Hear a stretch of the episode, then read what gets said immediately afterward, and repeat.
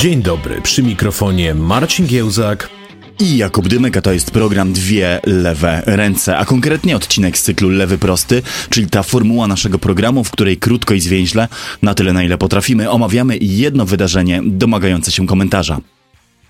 Gdyby ktoś powiedział wam, że jest takie biedne państwo, w którym rządzi grupa zbrojna, która nie tylko nie boi się, ale wręcz domaga się ataku ze strony Stanów Zjednoczonych, to być może wzruszylibyście ramionami albo popukali się w głowę pełni niedowierzania.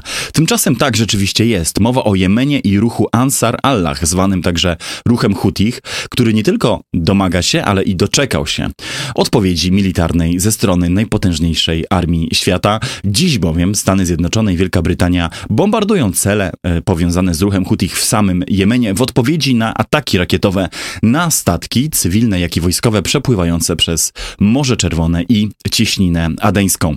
E, żeby zrozumieć ten konflikt, trzeba cofnąć się trochę w w przeszłość i do dekady minionej. My nie będziemy robić tego w dzisiejszym odcinku, ponieważ długo rozmawialiśmy o Jemenie w jednym z naszych programów sprzed kilku miesięcy do odsłuchania, jeśli tego jeszcze nie zrobiliście, którego zachęcamy z tego miejsca bardzo gorąco.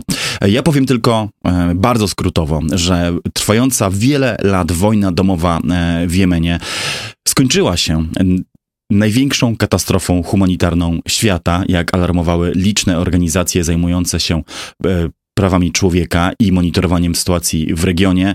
Konflikt ten pochłonął Szacunki się różnią między 220 a 340 tysięcy ofiar cywilnych, z czego gro tych ofiar to ofiary chorób, głodu i niedożywienia, ponieważ jednym z elementów tego konfliktu była blokada morska, zwana także blokadą głodową, prowadzoną przez siły koalicji międzynarodowej, wspieranej przez państwa e, Zachodu. I to właśnie krwawe żniwo chorób, niedożywienia, i głodu w Jemenie y, spowodowało, że kraj ten nazywany był, sytuacja w tym kraju nazywana była humanitarnym koszmarem ostatniej dekady, ale także najbardziej zapomnianą wojną XXI wieku.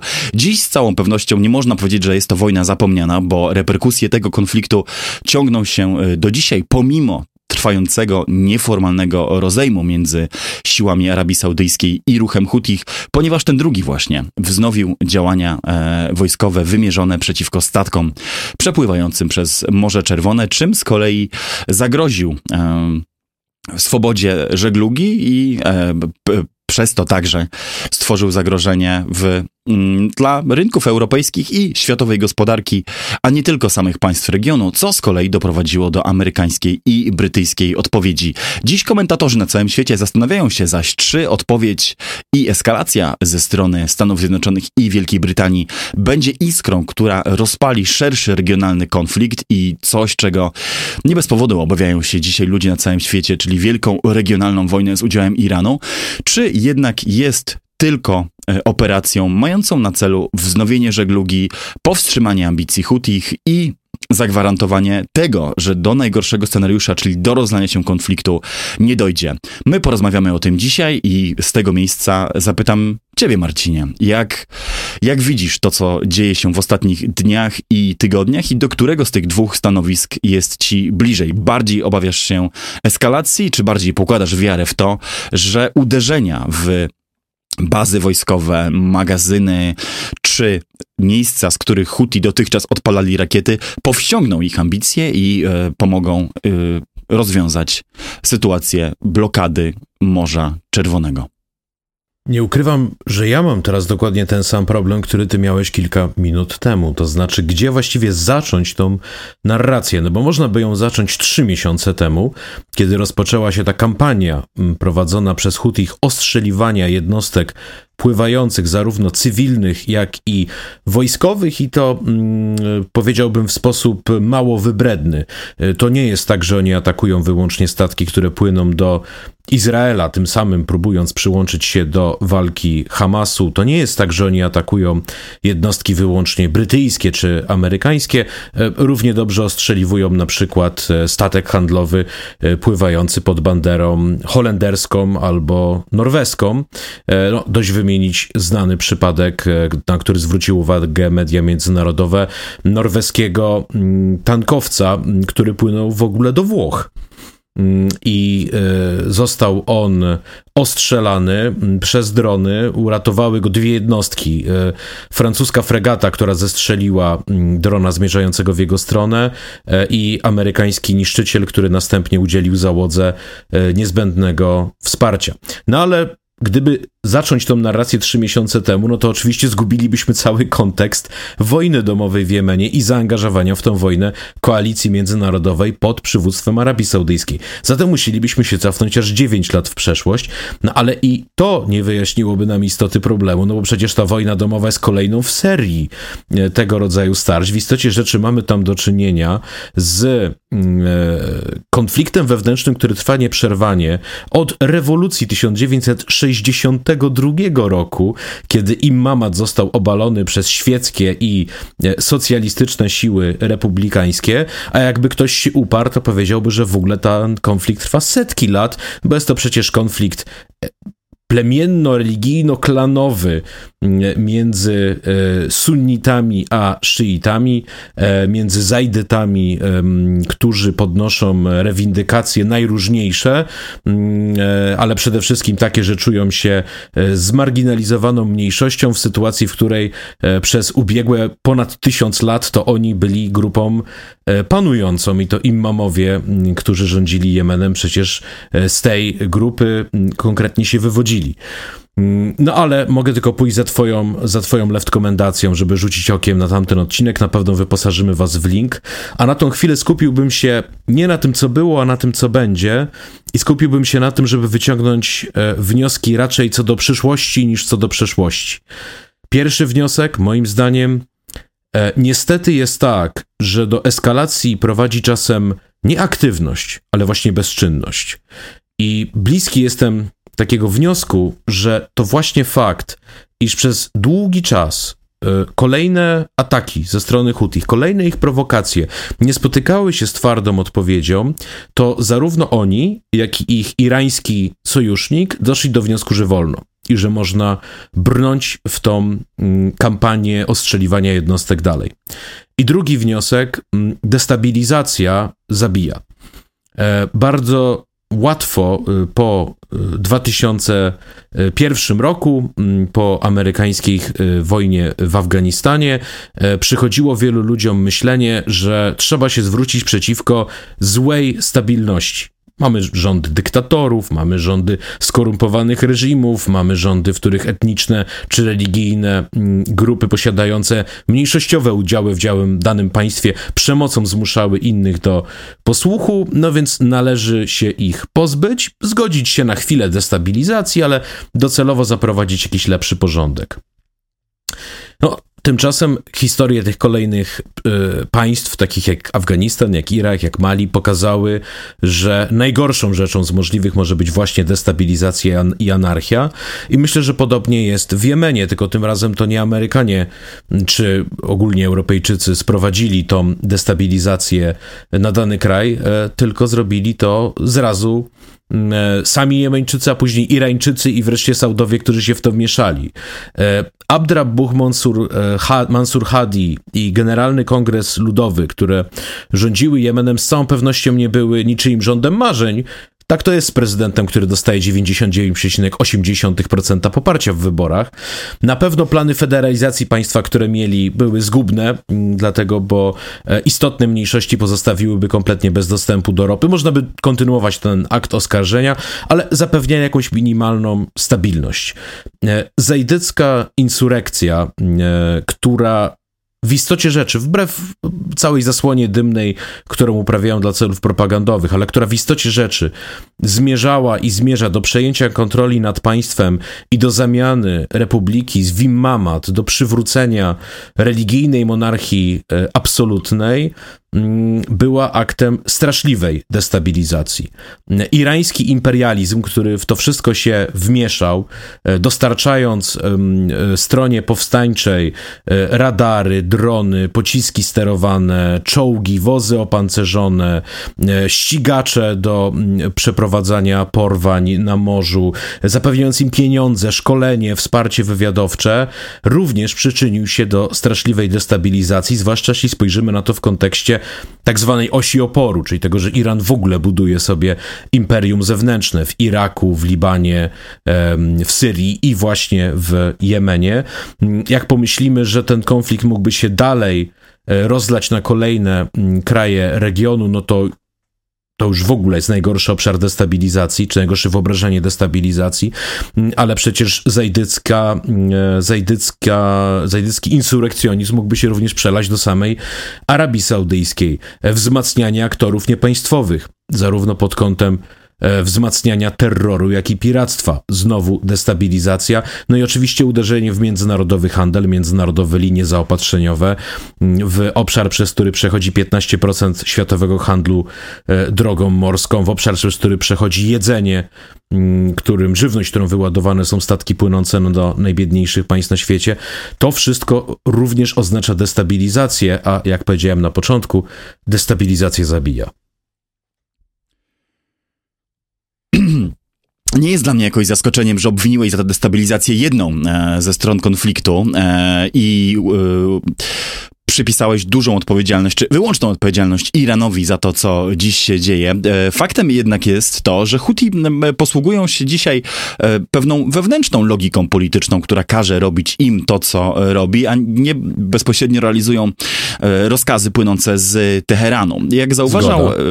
Gregory Johnson, jeden z ekspertów do spraw Jemenu i członek byłego panelu, to się nazywało panel szanowanych ekspertów, panel of eminent experts w, przy Organizacji Narodów Zjednoczonych, który badał naruszenia praw człowieka obu stron w konflikcie jemeńskim i który to pan rozwiązano pod presją Arabii Saudyjskiej właśnie, Jensen zauważył, że dziś Huti mają podwójny powód, żeby e, domagać się interwencji ze strony Stanów Zjednoczonych czy eskalacji ze strony sił e, Zachodu. Znaczy, po pierwsze, e, chcą oni przedstawić się jako sojusznicy sprawy palestyńskiej, co bez wątpienia byłoby i jest w jemeńskim społeczeństwie sprawą niezwykle popularną. Po drugie zaś, i co być może ważniejsze, chcą wyeliminować swoich regionalnych czy krajowych rywali do sprawowania władzy, a Huti są de facto władzą w Jemenie, choć państwo jest podzielone i ma na przykład dwa nieuznające się wzajemnie banki centralne i e, na przykład e, nie, nie, płaco, nie płaci się tam urzędnikom e, państwowym od miesięcy, bo żaden rząd z dwóch konkurencyjnych nie poczuwa się do końca tego, żeby zaległe wynagrodzenia im zapłacić. Drugim więc... Niech to będzie dla nas ostrzeżeniem. Dziękuję, tak. Drugim więc powodem, który, dla którego Huti y, chcieliby tego, aby Ameryka się w y, ów konflikt mocniej włączyła i zaatakowała cele w samym Jemenie, jest chęć zbudowania sobie szerokiej legitymacji jako jedyne, jedyna siła, która może rządzić krajem, no bo skoro jest się tak potężnym, że aż Stany Zjednoczone muszą interweniować, no to znaczy, że, e, że cały naród powinien się wokół takiej siły czy takiego ugrupowania zjednoczyć. I to właśnie ta wewnętrzna e, polityka Hutich i ich własna próba zalegitymizowania się w jemeńskim społeczeństwie i próba odzyskania też pewnych propagandowych narzędzi rekrutacji jest tutaj niezwykle istotna, bo pamiętajmy, że Huti nie atakowali e, celów w Izraelu czy statków cywilnych na Morzu Czerwonym ani w roku 15, ani 16, ani 17, ani 18, ani 20 i 21. Zaczęli to robić e, w odpowiedzi na izraelski atak na strefę gazy. Początkowo zresztą argumentując to, czy stawiając swoje żądania, które wzywały do wznowienia przekazywania pomocy humanitarnej Palestyńczykom i zaprzestania e, oblężenia czy, czy okupacji gazy y, właśnie. E, rozumując, że skoro Zachód może odmawiać Palestyńczykom pomocy, no to oni mogą e, na analogicznej zasadzie e, blokować statki, które wiozą towary na przykład na Zachód właśnie lub do Izraela. Oczywiście ich możliwości wprowadzenia... Znaczy, de facto zatapiać, nie blokować. No to apelowałbym Ale do tego zmierzam. Do tego nieużywanie zmierzam, eufemizmów. E, nie, nie, bo im się żadnego skutecznie zatopić nie udało, e, a te, których dokonano nawet e, abordażu, no to ostatecznie, ostatecznie okazały się nie mieć żadnego związku z, z Izraelem i na takich atakach drobnego piractwa się skończyło. Tym bardziej nie udało im się jeszcze uderzyć skutecznie w żaden statek marynarki wojennej, czy to amerykańskiej, czy, czy innej. Dlaczego? Ano dlatego, że wciąż jest to ugrupowanie, które prowadzi swoją mm, walkę środkami głęboko partyzanckimi. I choć posiada ono rakiety dalekiego zasięgu, y, które mogą razić cele na morzu oddalone nawet o 800 kilometrów, to jeszcze z y, jakiegoś powodu po nie nie sięga. Stąd widać także, że i sami Huti eskalują, czy miarkują swoje kolejne posunięcia. Y, pytanie brzmi, czy nie zrobią tego e, teraz, to znaczy, czy teraz nie sięgną po mocniejsze środki e, ofensywne. Dlatego, że wielu ekspertów dziś zgadza się, jest to wspomniane e, przeze mnie Johnson, ale to był dzisiaj także artykuł Marka Czempiona na stronach Bloomberga. No nie mówię tu już o bardziej lewicowych komentatorach, takich jak Daniel Larison, Van Jackson, Spencer Ackerman czy Matt Duss, bo to grono jest, jest szerokie. Zgadzają się, że Huti nie tylko nie zostaną skutecznie odstraszeni tymi e, działaniami, ale wręcz gdy dostali już to, czego chcieli, mogą przejść do e, działań wymierzonych w amerykańską i brytyjską marynarkę wojenną na większą skalę i przy użyciu mocniejszej amunicji. Skąd zaś oni tę amunicję mają i na czym polega być może najbardziej, najstraszniejszy i paradoks tego całego krwawego konfliktu i na tym skończę. Ano mają oni te amunicje i te środki e, rażenia dalekiego zasięgu, rakiety, radary, ponieważ blokada, którą stosowano przeciwko Jemenowi przez blisko 7 lat, właśnie w celu na który zresztą zgodziła się przynajmniej początkowo Rada Bezpieczeństwa ONZ w celu powstrzymania szmuglu broni, ostatecznie zablokowała szmugiel albo właściwie transport czy handel leków, paliwa, żywności, e, środków e, higieny czy produktów dla dzieci. Natomiast jedna rzecz, której zatrzymać się nie udało, to właśnie szmuglu komponentów do rakiet, e, uzbrojenia, amunicji i wszystkiego tego, z czego dziś Huti będą korzystać, żeby atakować cele na Morzu Czerwonym.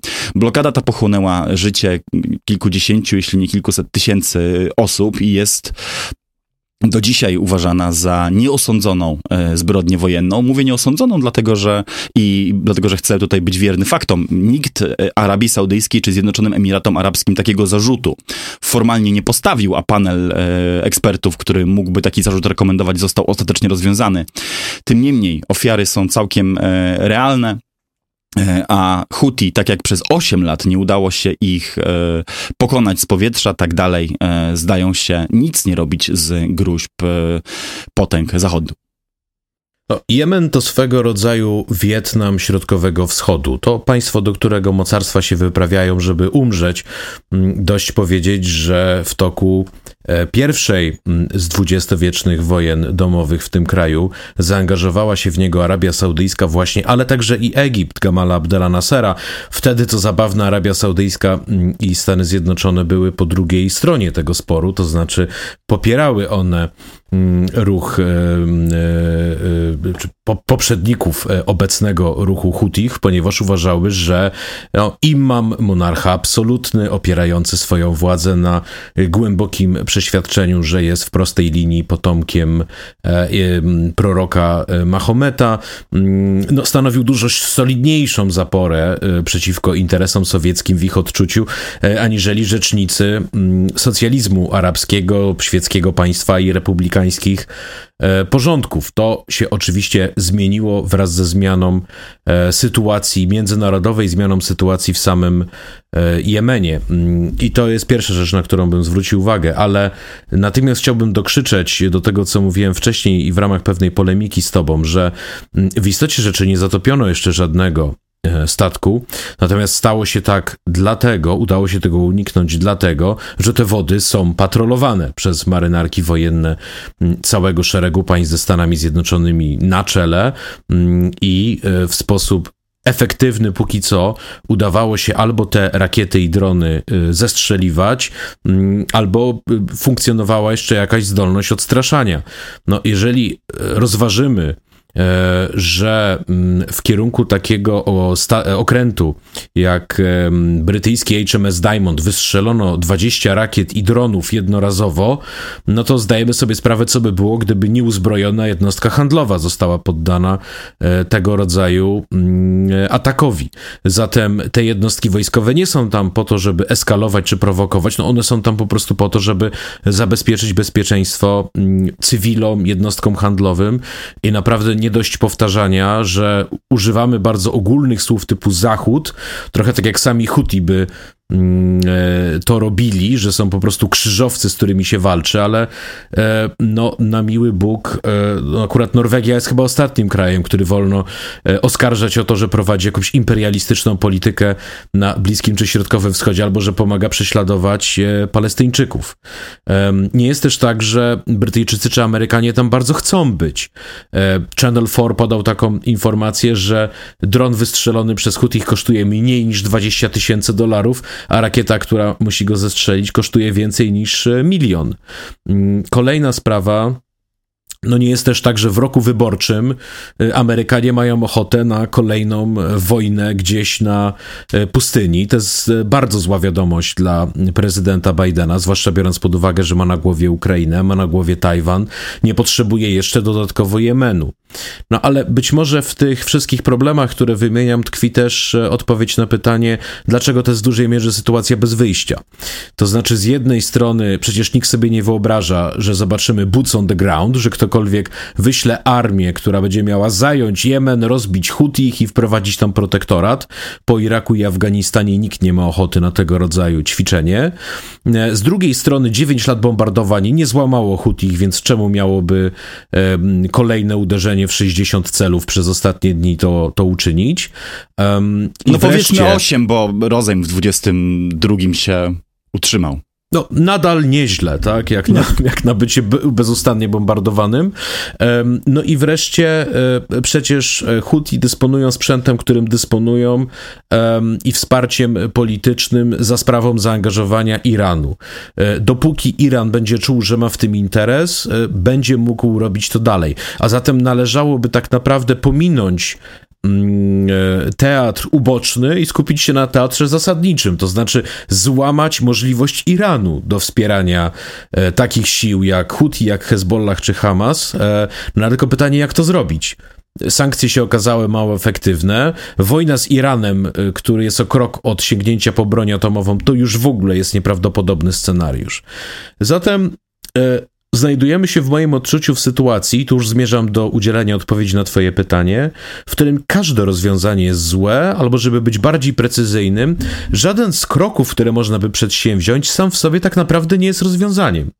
Można jedynie maksymalnie utrudniać życie Hutim i Iranowi w taki sposób, żeby ataków było możliwie mało, a pod ten czas e, kierować statki w bardzo długą, czasochłonną i kosztowną podróż, e, e, tak żeby opływały Afrykę i przylądek dobrej nadziei i na ten czas uznać, że Morze Czerwone, kanał Suezki to jest po prostu bardzo niebezpieczny obszar świata, którego należy unikać. Tyle, że nie jest tak, że jest to sytuacja bez wyjścia. E, wymieniłeś kilka e, ewidentnych przeszkód do tego, by ów konflikt rozwiązać drogą zbrojną, bo być może nie ma dobrej drogi zbrojnej do rozwiązania tej sytuacji lub takiej, która by dalej nie zaogniała sytuacji, ale jest jedno rozwiązanie, którego e, prezydent Biden e, wciąż jeszcze nie spróbował, czyli naciśnięcie na rząd premiera Benjamina Netanyahu celem e, zawarcia rozejmu czy zawieszenia broni w gazie. Po 100 dniach operacji Izraela widzimy już, że e, ona nie zrealizowała swoich celów militarnych, to znaczy przywództwa Hamasu nie udało się e, pojmać, ani zabić, ani pokonać. Nie udało się zniszczyć tuneli, nie udało się E, wreszcie jakby pozbawić także e, ani Hamasu, ani Hezbollahu, e, ani innych ugrupowań zdolności do prowadzenia ataków, czy prowadzenia asymetrycznej wojny z siłami Izraela, czy z Izraelem jako takim, bo ledwie dzisiaj doszło do zamachu terrorystycznego w Tel Awiwie, o ile się nie mylę, za który za który wstępnie izraelskie siły porządkowo e, winią e, jedno z palestyńskich ugrupowań.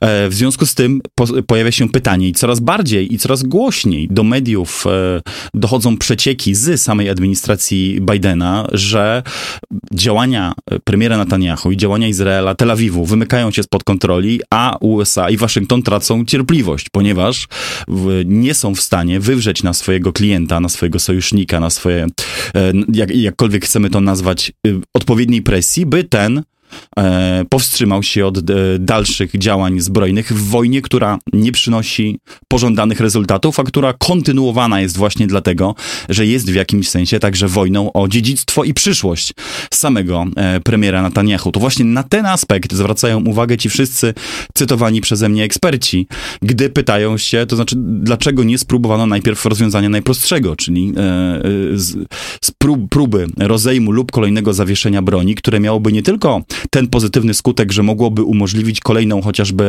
e, wymianę czy uwolnienie zakładników, a ich przecież przebywa jeszcze w strefie gazy, e, jak liczą izraelskie media, ponad 110, między 110 a 130 osób, e, ale także właśnie pozbawiłoby Hutich dokładnie tego narzędzia y, propagandowego i wizerunkowego, po który sięgają, czyli tak długo jak Izrael atakuje z ich perspektywy przy wsparciu całego Zachodu i wszystkich instytucji y, międzynarodowych y, Palestyńczyków, tak długo oni mają świetne narzędzie do rekrutowania kolejnych bojowników, do mm, prowadzenia swojej propagandy i mocny, mocniejszego zakorzeniania się w samym Jemenie. Znaczy, to rozwiązanie pokojowe po prostu nie zostało jeszcze przetestowane i stąd z braku, e, z braku e, podejścia pokojowego Stany Zjednoczone i Wielka Brytania postanowiły przetestować e, środki zbrojne. Tylko problem w moim odczuciu polega na tym, że mm, niezwykle trudno się na dalszą metę prowadzi dyplomację z reżimem, którego ja nie zawahałbym się określić jako y, totalitarny, mesjanistyczny i imperialistyczny, to znaczy z reżimem irańskim. A to w Teheranie tak naprawdę według mnie leży klucz do rozwiązania y, tego y, problemu. I teraz Iran widzi świat dość prosto Mm, to, to znaczy na poziomie szczegółów oczywiście jego polityka potrafi być bardzo wysublimowana, ale na poziomie ogółu e, jest Dar al-Islam, jest Dar al-Harb, jest, jest dom islamu, jest dom wojny ziemia, która kiedyś była muzułmańska musi być znowu muzułmańska, a wszystko oprócz tego rozwiązania jest nie do przyjęcia. No, Palestyna była muzułmańska y, razem z Jerozolimą y, i wszystkimi innymi tymi prastarymi miastami i musi być znowu. Izrael musi przestać istnieć y, w oczach ajatollahów, którzy Iranem rządzą i żaden kompromis nie jest tutaj możliwy. I analogicznie e, jeżeli ten problem nawet zostałby rozwiązany, to uważam, że bardzo szybko usłyszelibyśmy, że będą zatapiane statki, dopóki e, należący niegdyś do domu islamu Timur Wschodni nie wróci z powrotem do Indonezji. Znaczy, bezustannie będą pojawiały się kolejne e, tego rodzaju roszczenia, ponieważ taki jest charakter E, tego reżimu. To nieco tak jakby powiedzieć, że problemem e, w latach 20. i 30. XX wieku mm, było to, że nie wypróbowano dyplomacji, albo za mało ją wypróbowano względem Niemiec, Włoch i Japonii, albo że problemem w czasach zimnej wojny było to, że e, nie wypróbowano dyplomacji względem Związku Sowieckiego. Sam charakter tych reżimów sprawia, że niezwykle trudno jest wierzyć im na słowo i niezwykle trudno jest z nimi negocjować i o tyle jestem w stanie zrozumieć państwa zachodnie i jestem jeszcze też w stanie zrozumieć z jednego powodu. Gdyby mm, przeprowadzono z powodzeniem E, ataki, na przykład na e, brytyjski niszczyciel czy amerykański i nie spotkałoby się to z żadną odpowiedzią, no to nie mam żadnej wątpliwości, że skutkiem tego nie byłaby deeskalacja, tylko gwałtowne podbicie tejże eskalacji, ponieważ byłby to sygnał wysłany mm, do wszystkich e, klientów Iranu i do Teheranu jako takiego, że można działać. I teraz ja zgadzam się z tym, co powiedziałeś na początku, że to nie jest takie proste, że Iran po prostu sobie rozrzucił po świecie Mm, na obszarze całego um, żyznego w bojownictwie bojowników e, szyickiego półksiężyca, różne organizacje. Nie, gdyby, gdyby w Iranie rządził szach, albo e, pierwszy sekretarz, albo kto tam jeszcze, to i tak by istniał e, ruch Ansar Allah, po prostu, po prostu wynika z dynamiki wewnętrznej, która jest w Jemenie. Nie zmienia to jednak faktu, że Iran, zaopatrując ich w broń, pieniądze, informacje wywiadowcze i wsparcie polityczne, ma istotny wpływ na to, co robią i będzie ich naciskał w jedną albo w drugą stronę wiedziony wyłącznie własnym interesem i własnymi ideologicznymi obsesjami. I musimy to mieć na uwadze, reżyserując politykę względem Iranu i jego sojuszników. To ciekawe, bo Kim Gattas, która napisała całą książkę o rywalizacji Iranu i Arabii Saudyjskiej i jest bardzo uznaną korespondentką z y, regionu, mówi o sytuacji coś dokładnie odwrotnego. Znaczy, że dzisiaj ani Hezbollah, ani Liban, ani Teheran, y, ani żadna regionalna stolica nie chce wojny z udziałem Stanów Zjednoczonych i nie chce eskalacji tego konfliktu, y, a tylko regionalni, drobniejsi aktorzy, mniej lub bardziej od Iranu zależni, realizują swoje partykularne interesy w vis-a-vis e, Stanów Zjednoczonych właśnie, czego przykładem są e, sami Huti. Zauważmy chociażby, że Iran... O, że gdyby nie Iran, to oni by atakowali dużo ostrzej, tyle mogę powiedzieć. Moim e... zdaniem. Zauważmy, że, zauważmy, że e, Iran chociażby nie obwinił wprost i nie podjął żadnych działań odwetowych wobec Izraela, chociażby w następstwie niedawnego ataku terrorystycznego, do którego przyznało się państwo islamskie, ale e, opinia ekspertów w pierwszym odruchu była taka, że no, e, Iran na nic innego nie czeka, jak tylko obwinić Izrael za zamach terrorystyczny, wskutek którego zginęło, e, zginęła setka e, cywili i e, podejmie działania odwetowe wobec Tel Awiwu. To się nie wydarzyło. Hezbollah nie włączył się do wojny, choć e, były ku temu, e, znowu, choć eksperci obawiali się tego co najmniej dwukrotnie i cały świat wstrzymywał oddech przed kolejnymi przemówieniami Hasana Nasrallaha, spodziewając się, to będzie, że to będzie dokładnie ten moment, w którym, e, w którym Hezbollah do wojny wkroczy. Wreszcie sami Huti mimo swoich górnolotnych zapowiedzi, a grozili tym, że wyślą kilkadziesiąt tysięcy bojowników do strefy gazy, koniec końców ograniczają się do odpalania pojedynczych e, rakiet. Moim zdaniem dynamika tego jest zupełnie e, przeciwna do tej, którą ty widzisz, to znaczy regionalni aktorzy z wielu różnych powodów, także wewnętrznych. Iran ma kłopoty z legitymacją własnej władzy w kraju, e, duże, Teheran ma problem z legitymacją własnej władzy w kraju, duże problemy gospodarcze i dość e, wyzwań militarno-logistycznych związanych ze wsparciem dla Rosji w jej inwazji na Ukrainę chociażby, by chcieć naprawdę wikłać się w, w wojnę z Izraelem w przededniu być może kolejnej administracji e, amerykańskiej, która z całą pewnością w podobnego rodzaju regionalnym konflikcie stanęłaby e, po stronie e, Izraela. Moim zdaniem takie bagatelizowanie dyplomacji na dłuższą metę jakby niczemu nie, nie służy, bo te konflikty nie będą miały militarnego zakończenia. To znaczy nie istnieje militarne zakończenie wojny izraelsko-palestyńskiej. Znaczy, bo takie militarne zakończenie korzystne dla jednej lub drugiej strony musiałoby być sine qua non rzezią, na którą prędzej czy później e, społeczność międzynarodowa pozwolić by e, nie mogła. To znaczy wizja militarnego zwycięstwa Hamasu oznacza y, rzeź obywateli Izraela. Wizja militarnego zwycięstwa premiera Netanyahu ze skrajną prawicą w rządzie oznacza rzeź Palestyńczyków.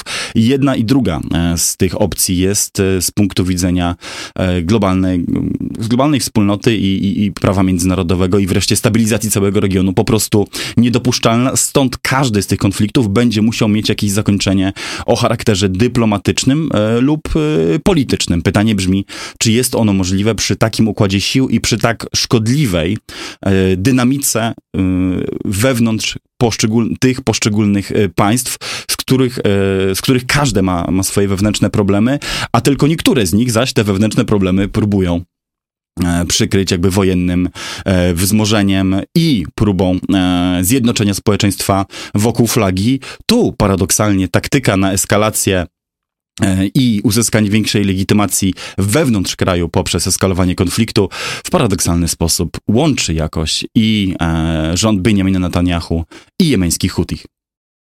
No wiesz, Iran jakich nie miał problemów e, gospodarczych, wewnętrznych i wszelkich innych, to Gwardia Strażników Rewolucji zawsze znajdzie grosz na to, żeby wysłać rakiety do Hutich po to, żeby ostrzelać e, norweski tankowiec. Mm, ja bym jeszcze, bo będziemy musieli zmierzać ku e, końcowi, to w końcu jest lewy prosty, mm, więc spróbujmy, żeby prostym pozostał. E, dorzuciłbym jeszcze jeden wątek, który mi osobiście zafrapował, to znaczy w ten konflikt została wciągnięta Wielka Brytania. Pierwszy raz premier Rishi Sunak musiał się zdecydować na użycie siły, odkąd objął rządy. I co ciekawe, choć był krytykowany za to, że zrobił to bez debaty parlamentarnej, bez głosowania, mm, przez różne strony sporu politycznego, politycznego, przez liberałów, przez Szkocką Partię Narodową, to natychmiast poparł go przywódca Partii Pracy Keir Starmer, a więc widzimy, że Starmer cały czas musi wykazywać, że jest antykorbynem i że w kwestiach związanych z bezpieczeństwem narodowym, flagą, mm, bezpieczeństwem brytyjskich żołnierzy będzie twardy. I druga rzecz, która zwróciła moją uwagę. Otóż Wielka Brytania chciała posłać lotniskowiec e, HMS Queen Elizabeth e, na ten teatr zmagań. Przy tego rodzaju operacjach lotniskowce są bardzo użyteczne. Dość powiedzieć, że Amerykanie mają w tym teatrze e, dwa, czyli USS Gerald Ford i USS Dwight Eisenhower. W czasie operacji wcześniej Inherent Resolve przeciwko mm, państwu islamskiego również Dwight Eisenhower brał udział i zresztą francuski lotniskowiec Charles de Gaulle.